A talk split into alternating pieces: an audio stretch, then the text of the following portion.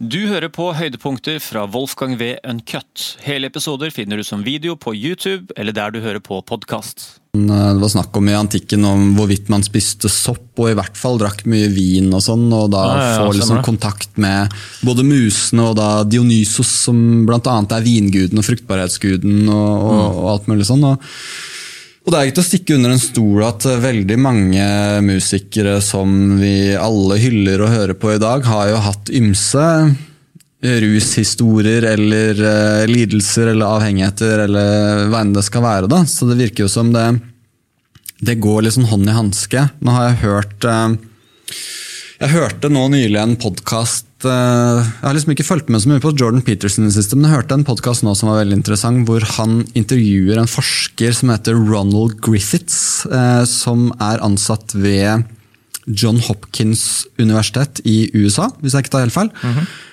og det er egentlig ganske banebrytende, det som skjer nå. For de har begynt å kjøre et eh, forskningsprosjekt på sopp. Altså psilocybinsopp. Eh, I Norge er det gjerne da spissfleinsopp, som du kan gå på en kirkegård eller på et jorde og plukke ut av en eller annen kudritt. Og, og da få deg, få deg en opplevelse, da, for de som eh, vil det, med sånn forbehold om at ikke gjør dette hjemme. Eller gjør det hjemme, men sånn ikke gjør det. på en måte. Hvordan, hvordan er man tilbereder fluesopp eh, for rusbruka? Eh, ja, sa jeg fluesopp? Eller, altså, jeg mente i hvert fall fleinsopp, men Du sa, fluesopp du sa fleinsopp. ja, du men, sa fleinsopp. men eh, ja, fluesopp Ja, det, er et, det, er et, det er et godt spørsmål. Altså, sånn, Fluesopp er den med hvite prikker. yes, det, ja. Den karakteristiske nissehatten. Det er mange som mener at hele nissemytologien, altså den estetiseringa av nissen med den der røde, lange hatten, altså at det er noe som oppsto rundt fluesoppbruk i, i Europa og Skandinavia. og sånne type Ja, ting. Gir mening. Eh, og eh, fluesopp det må behandles sånn at det er veldig viktig at du tørker soppen.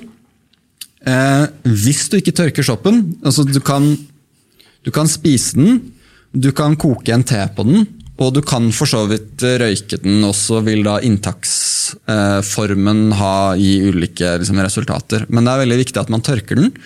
Fordi fluesopp, som vi da lærte i barnehagen, at vi ikke skulle spise på sånn ekskursjon, det er jo fordi den er giftig. Den er full av uh, ibotensyre, tror jeg det heter. Ja. Og det gir deg både magekramper, og det er også nevrotoksisk, så det er liksom giftig for eh, hjernen og sånt. Så det, det er liksom lurt å Hvis soppen er fuktig, så skal du ikke spise den. Og så er det også sånn at du ikke burde drikke kullsyre, for da reaktiverer du stoffet. Så det er mye sånn greier å tenke på, da. Ja. Jeg syns det er så fascinerende å tenke på at noen har prøvd ut, prøvd og feila med det her og funnet ut av det. Ja. At hvor mange måte, som har strøket med over menneskelighets nysgjerrighet Ja. til å bare plukke opp ting i naturen. Hva kan vi gjøre med denne her? Mm. Koke, steke, tilberede, kutte opp, tørke, salte. Ja. Se hva som skjer. Ja. Det er ganske vilt. Nei, det, det har jeg tenkt på mange ganger som shout-out til alle de gjennom menneskets historie som spiste feil bær og, og feil sopp og tok, tok en for laget. Da. og, eh, men nei, altså, jeg fikk fluesopp til en gang, jeg, for eksempel. Ja. Og det var eh, Det var eh, Ja, hva skal jeg si? Det var ganske Var det instant? Instant rus, eller kommer det sånn Nei, sakte? det, det kom, kom litt sånn sigende, og det var sånn Jeg ante jo ikke hva jeg gikk til i det hele tatt. Altså når jeg fikk en kopp eh, med te, og så bare Ja, hva er dette her? Jo, jo, det er drømmekrydder, og jeg skulle legge meg, det var sånn kollektiv, ikke sant. Og så og så var det sånn der, jo nei, vi var ute og plukka fluesopp, og så tørka det, og så kokte jeg på det og sånn. Og det, da var det sånn på den tida der av livet mitt så jeg, gikk jeg på kunstskole, og så bodde jeg veldig sånn spartansk med to andre gutter, eller menn, hva enn du vil eh, kalle oss, i en sånn bitte liten kjellerleilighet med lavt tak, veldig sånn morkent og fuktig, og så var det ingen dører, så vi bodde basically sammen og liksom sov på gulvet og sovepose. Ja, det var helt eh, krise. Ikke akkurat verdens beste Tinder-profil, det kan jeg tenke meg. Men, eh, men eh, jo, så fikk jeg da den fluesoppen, og det var seint på kvelden. Jeg skulle på skolen dagen etterpå. Sånn, men, men det som skjedde, var at jeg liksom Først så merka jeg ingenting, og, og de andre gutta ble liksom sånn øh, De bare gikk og la seg og ble litt øh, kvalme og sånn. Og så plutselig kom det liksom sigende. da. Mye, mye, mye sterkere enn hva jeg hadde blitt forespeila, og hva jeg selv trodde. Så først så trodde jeg at jeg kom til å dø. Eh, at jeg hadde en sånn, sånn der angst. altså Jeg måtte liksom vri meg ut av den soveposen. Jeg ble kjempe, jeg fikk hetetokter som gikk liksom opp og ned, vekslende varm og kald, sånn feberaktig. Og skikkelig hjertebank, og jeg ble jo selvfølgelig redd. da. Altså sånn Angst har jo veldig mye å si i, i, i alle sånne situasjoner. Men så etter hvert så måtte jeg på en måte bare innstille meg på ok, greit, nå er det den ibotensyra, nå ble jeg forgifta av fluesopp, nå kommer jeg til å daue eller et eller annet jævlig kommer til å skje. Og så må jeg liksom finne roen i det på et eller annet vis. Og begynte med noen sånn pusteteknikker og sånn. Og da, etter det, så ble det egentlig ganske interessant, altså, uten at dette her er noen liksom anbefaling eller oppfordring, for det var veldig skremmende, og alt som angår rus, er, det må jeg liksom presisere at er Det er veldig mye personlighet, det er biokjemi, det er erfaring, historie, det er hva du vet. altså sånn det er veldig lett å liksom bare ja, hive i seg ting uansvarlig. og sånn. Man burde alltid liksom ha en viss ærefrykt og en ansvarlighet. og Jeg kan jo innrømme at i den situasjonen så visste jeg ikke hva jeg gikk til i det hele tatt. Mm. Og fikk meg en på truten pga. det. da.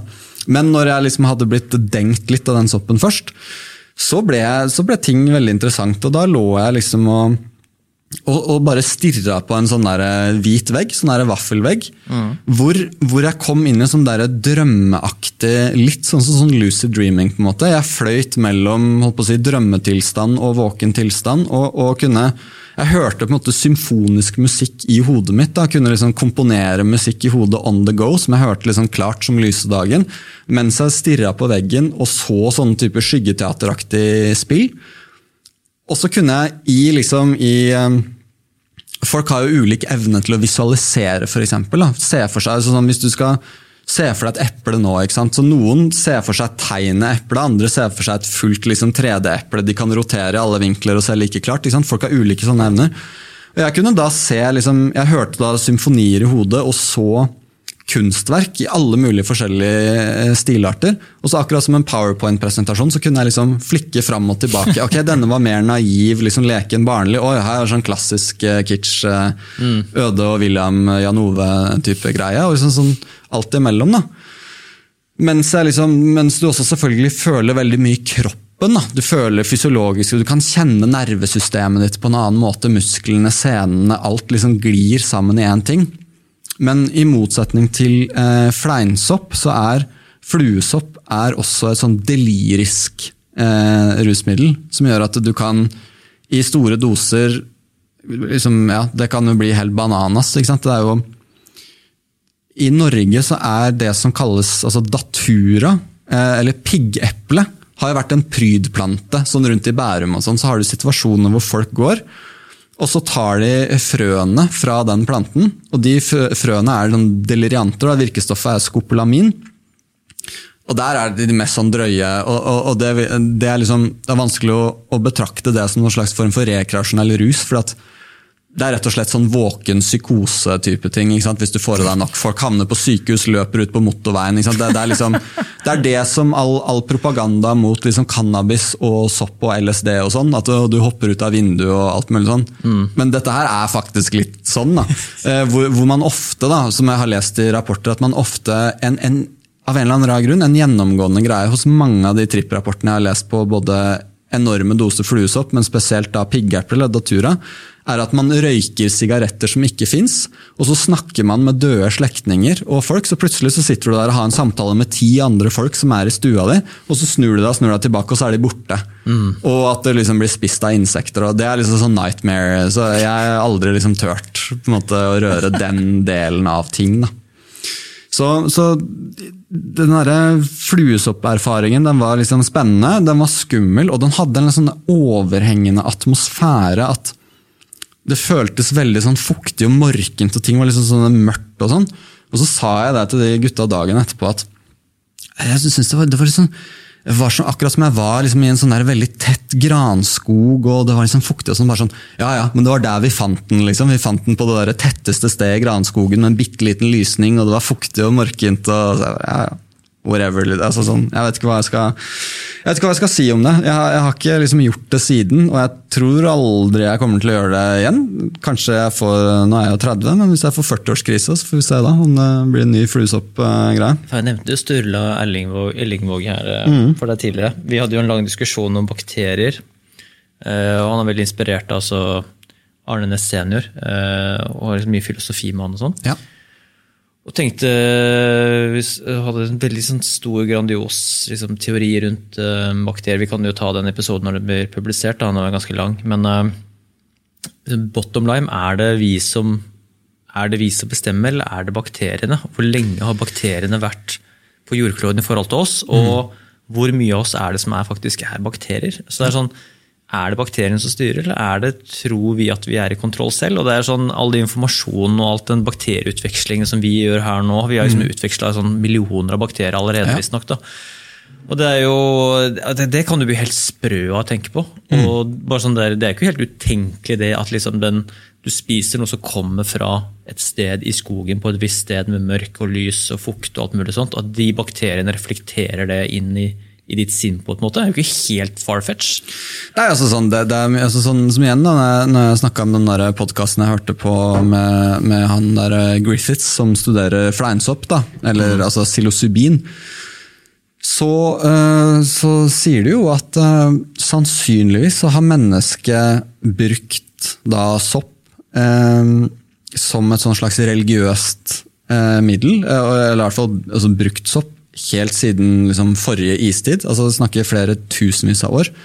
Og det er også bøker som går eh, og jeg kan på en måte ikke eh, bekrefte eller avkrefte om det er sant eller ikke, men som i hvert fall lager en case for at kristendommen i utgangspunktet var basert på da erfaringer fra sånne soppgreier. Eh, fordi det de fant ut i de eh, studieforsøkene, var at eh, psilocybin har utrolig positiv virkning på folk som sliter med avhengighet, f.eks. Enten om det er sigarett, snus, eh, heroin eller whatever else. Fordi det, det, det nøster opp i noen mønstre og lar deg på en måte erfare virkeligheten på en annen måte. og At det nesten virker som altså, det høres jo litt sånn hippie ut, da, men av min egen erfaring da, med, med, med fleinsopp også han Andreas Bjerve var jo her. Ja. og jeg synes han, han beskrev dette her på, på en veldig god måte. hvordan hvordan du ser mønstre og liksom lag, altså sånn der, alle virkelighetens slør. Du får gløtte litt under ting du ikke visste fantes, og oppleve kroppen din, psyken din og omgivelsen din på en annen måte. At, at mange av de som eh, da tok seg opp i disse studiene,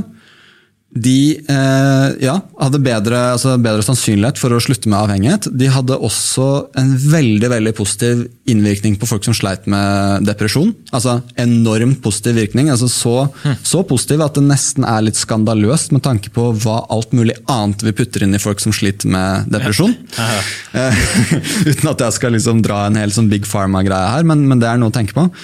Og også det at veldig mange av disse menneskene rapporterte at de fikk en sånn økt eh, altså sånn empatisk og medmenneskelig forståelse. De, det er akkurat som du, du får bare injisert mening inn i, i, psyken og i livet ditt og oppleve ting. Og det er jo klart med i da i sammenheng med kunst, f.eks., så har jo psykedelika både i billedkunst og i musikk og altså, eh, altså Hunter S. Thompson, altså sånn i, altså, alt fra gonstojournalistikk til abstrakt billedkunst, så har, har disse tingene vært med. Og, og det var noe sånt også som jeg tror at eh, Sist gang jeg var her, så snakka vi litt om Big Five, altså disse personlighetstypene. Og for folk som da har hørt på Sånn er du, f.eks., på NRK, det er liksom den greia. Når man da snakker om det, det aspektet som heter åpenhet, så, hvis jeg ikke husker helt feil, så fikk de som hadde da tatt uh, sopp, de fikk en permanent økt grad av åpenhet.